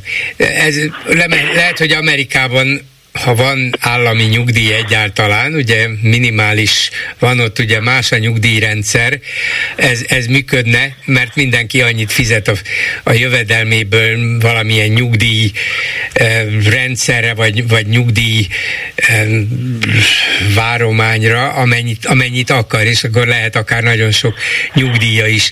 De Magyarországon itt egy állami nyugdíjrendszer van, úgyhogy az, hogy most akkor mindenki csak 500 ezeret kapjon, másik oldalon azt lehet mondani, hogy akkor viszont ne vonjanak le tőlük annyi nyugdíjjárulékot. De most félek, hogy egészen más irányba megyünk el, mint amelyre, amire ön akart volna menni. Hogy tudni, kinek mi a felelőssége? Az, hogy egy Bot Péter Ákos, mint közgazdász professzor, aki korábban a jobb oldalhoz kötődött, és nagyon rövid ideig az első MDF kormánynak volt ipari minisztere, de utána már nem vállalt vezető pozíciót, ő egy tanár ember, egy közgazdasági elemző, előadó, tanár, elmondja a véleményét arról, hogy milyen a világ, vagy milyen egy bizonyos intézkedés, vagy milyenek a gazdasági fejlemények, hát miért kellene őt bármiért büntetni? Azért, mert volt egy évig miniszter? Jó, hát akkor, akkor más oldalról közelítem meg ezt a kérdést. Az előző rendszerben is abban nőttem föl, az előző rendszerben is ugyanaz volt, mint most. Kollektív felelősség, személyi felelősség soha nincsen semmi. A nagy fejek, akármilyen nagy probléma van, egy vállalati vonatkozásában is például, az mindig megúszza. Uh-huh. Ez vonatkozik mondjuk egy kórház vonatkozásában a főorvosra, nem ő lesz a hibás, hogyha egy beteg meghal egy műtét közben, nem. Nem, nem ő lesz a hibás. Le fogják, ezzel a, végül a takarítónőre rá fogják fogni, mert ugye nem, nem takarított megfelelően, aztán fertőzés miatt meghalt a beteg. Számos olyan ismerősöm van, akinek a, a halotti önkönyvi bizonyítványából beírták, hogy Covid. Nem magyarázták meg, hogy mit.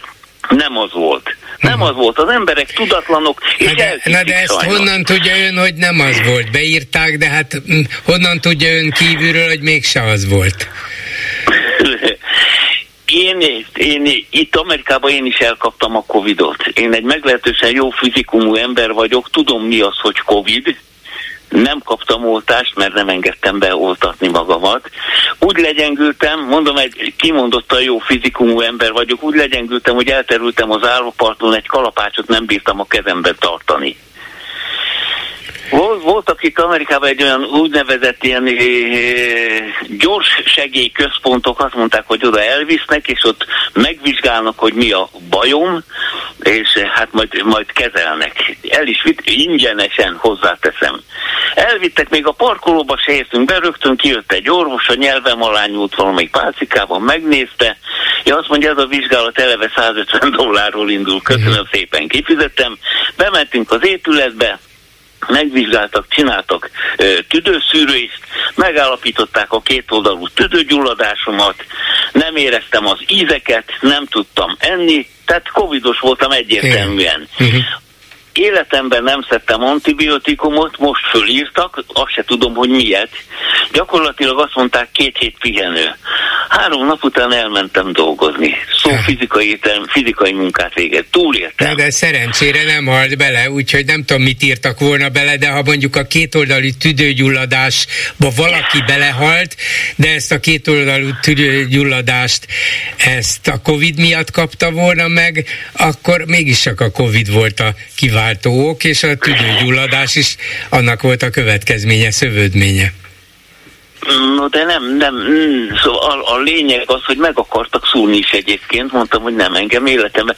Én gyerekkoromban, mikor az iskolai kötelező oltások voltak, azt mondjuk uh-huh. elviseltem, mert nem tudtam megszokni, de például mikor kötelező fogászat volt, én kiszöktem az iskolából, és vállaltam azt, hogy anyukám meg az apukám otthon megvert, mert milyen rossz gyerek vagyok, ugye, meg az iskolában megkaptam az intőt, de, de annyira orvos ellenes vagyok, jó mondjuk... Ne legyen, ne legyen orvos ellenes, a lényeg az, hogy orvosokra szüksége van, vagy lehet mindenkinek, önnek is volt, aztán az erős fizikuma átsegítette a bajon, de azért bízon az orvosokban ezt tudom mondani. Viszont hallásra! Háló, jó estét kívánok! Halló, tiszteltem, Gábor vagyok, bolgár Parancsoljon. Elnézést zavarok, én azért, azért telefonáltam, de ilyen felzakatott ez a, ennek a senkiházi miniszternek titulált senkinek az ötlete, hogy lenne egy kérdésem, vagy milyen kérdésem ezzel kapcsolatban a, a, az orvosi alkalmasságit, hogy kell csinálni, vagy nem. Ez a Semmi Zsolt által benyújtott törvényjavaslat, igen. Hát én nekem más a véleményem róla, de mindegy, tehát nem is fogalmaztam volna. E, igen, de ez a lényege. A, a, hogyha ide, idáig valaki elment a, az orvoshoz, vagy elment a munkahelyre, úgy kezdték ugye, hogy el kellett menni az üzemorvoshoz. Amit a munkáltató fizetett. Igen. A munkáltató ugye el tudta számolni költségnek, tehát a, a, a munkavállalónak nem került innentől ö, költségére. Na most nekem, én hiába mentem mondjuk CNCG-re dolgozni, ö, akkor is ugyanazt a, ugyanazokat az orvosi vizsgálatokat csinálják meg, mint mondjuk egy jogosítványhoz kellene. Uh-huh. Viszont nekem volt árultás jogosítványom, nehézgépkező jogosítványom, és többi, és többi, és ezeket, mivel hogy a munkahelyemen is ö, ö, alkalmazni kellett, tehát használni, használni kellett mondjuk targoncát például, ezért azt ott a, a, a, a doktornőnek meg kellett mutatni, megkértem, hogy nem is bepecséteni, bepecsétette, és két évre megint alkalmas volt a, a jogosítvány is, tehát Igen. a jogosítvány egészségügyi szempontból is. Mert különben nagyjából ki lehet törölni az ember fenekét vele, hogyha nincs orvosi alkalmasság ide belepecsételni. Persze, persze. És kérdezem én, hogy hogy most, hogyha nem lesz az, orvo, nem lesz az a kötelező orvosi alkalmassági vizsgálat a, a, a munkavállalóknak, a, viszont a munkaügyi felügyelet mondjuk egy markoló kezelőnél, igen, igen, mégiscsak megköveteli, akkor, akkor majd... vezetőnél kéri a, a, akkor a ő neki kell fizetnie? Ez a kérdése. Akkor, Jó kérdés. Igen. igen. És, és, akkor hol, és akkor hol van, hol van az egyenlő, egyenlő elbírálásában, hogy mindenkire ugyanazok vonatkoznak. Hát tehát, te... tehát nekem azért kell fizetnem, hogy dolgozhassak, másiknak az nem kell még, még orvosi alkalmasságit csinálni. Igen, teljesen igaza van, a kérdés jogos és lényegre törő. Hát megpróbáljuk megtudni, meglátjuk, hogy pontosan hogy reagálnak majd erre az abszurdnak látszó törvényjavaslatra. Minden jót viszont hallásra. És a Facebook oldalunkon mit írnak? Lőrinc Csaba. Szia Gyuri, köszöntöm a hallgatókat. Semmilyen miniszterelnök helyettes. Őt szeretik ott Nagyon is. szeretik, jó. nagyon szeretik. A munkaegészségügyi vizsgálatokat nem megszüntetni kellene, hanem kötelezően bevezetni parlamenti képviselőkre és a kormány tagraira is. E, igen, nekem is ez jutott eszembe, hogy hát ha már, akkor mi lenne, ott is lenne egy alkalmasság, egészségügyi alkalmasság. De mindenki ez, ez, tehát a legtöbb komment, amit láttam, igen, azzal igen. foglalkozott, hogy vajon a vezető politikusainkra... Jó, hát én igyekeztem már az elején megadni az alaphangot, hogy hát sajnos úgy látszik nálunk a versenyképesség miatt a miniszterelnökre például nem vonatkozik. Azonban volt durva, hát igen, azonban volt az ennek durvább ö, megközelítése is. Szerintem az üzemorvosi ellenőrzés eltörlése azért fontos a kormánynak, így a következő komment, hogy ne kelljen külföldi munkavállalókat pátyolgatni, ha azok megbetegszenek, vagy lerokkannak. Igen, én is attól tartok, hogy valami köze ehhez van hogy a külföldieket ne kelljen vizsgálni, lehet, hogy olyasmikkel találkoznának itt az orvosi vizsgálatokon, amikre azt mondja a magyar orvos, hogy na hát akkor talán az illető mégse alkalmas, de akkor abból bajok lesznek, hogy visszaküldjenek több száz vagy több ezer munkavállalót külföldre, szóval inkább ne bolygassuk. Még egy utolsó gondolat így a a kormányról és a választási lehetőségekről. Nem osztom Márkizaj véleményét a diktatúra lebontását illetően. Ezt az Orbáni autokráciát választásokkal nem lehet lebontani.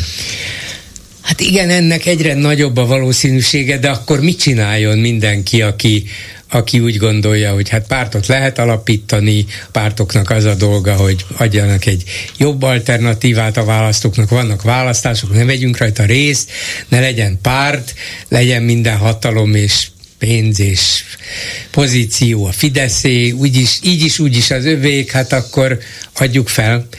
Félek a jó lehetőségeket már, el, már kiszorították a pályáról. Hát igen, igen, igen, de azt a kicsit talán még meg kell ragadni. Köszönöm szépen, ezzel a megbeszéljük a mai műsora véget ért. Készítésében közreműködött Zsidai Péter, Lőrinc Csaba, Erdei Tünde, Lehocki Miriam és Horváth Ádám, Bolgár Györgyöt hallották.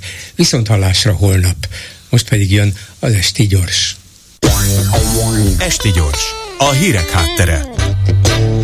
Jó estét kívánok, Sámeszi János vagyok, ez itt az Esti Gyors, a szerkesztő Józsa Márta. Önök szerint érdemes manapság politikusnak állni? A válasz persze attól is függ, hogy kiről van szó.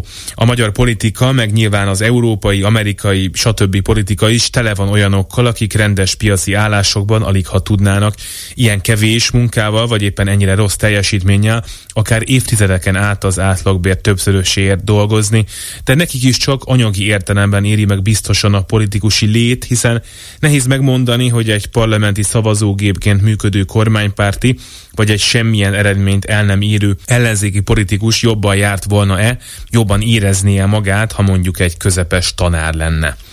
Az igazi probléma az, hogy a legjobb képességű embereknek egyszerűen nem éri meg politizálni.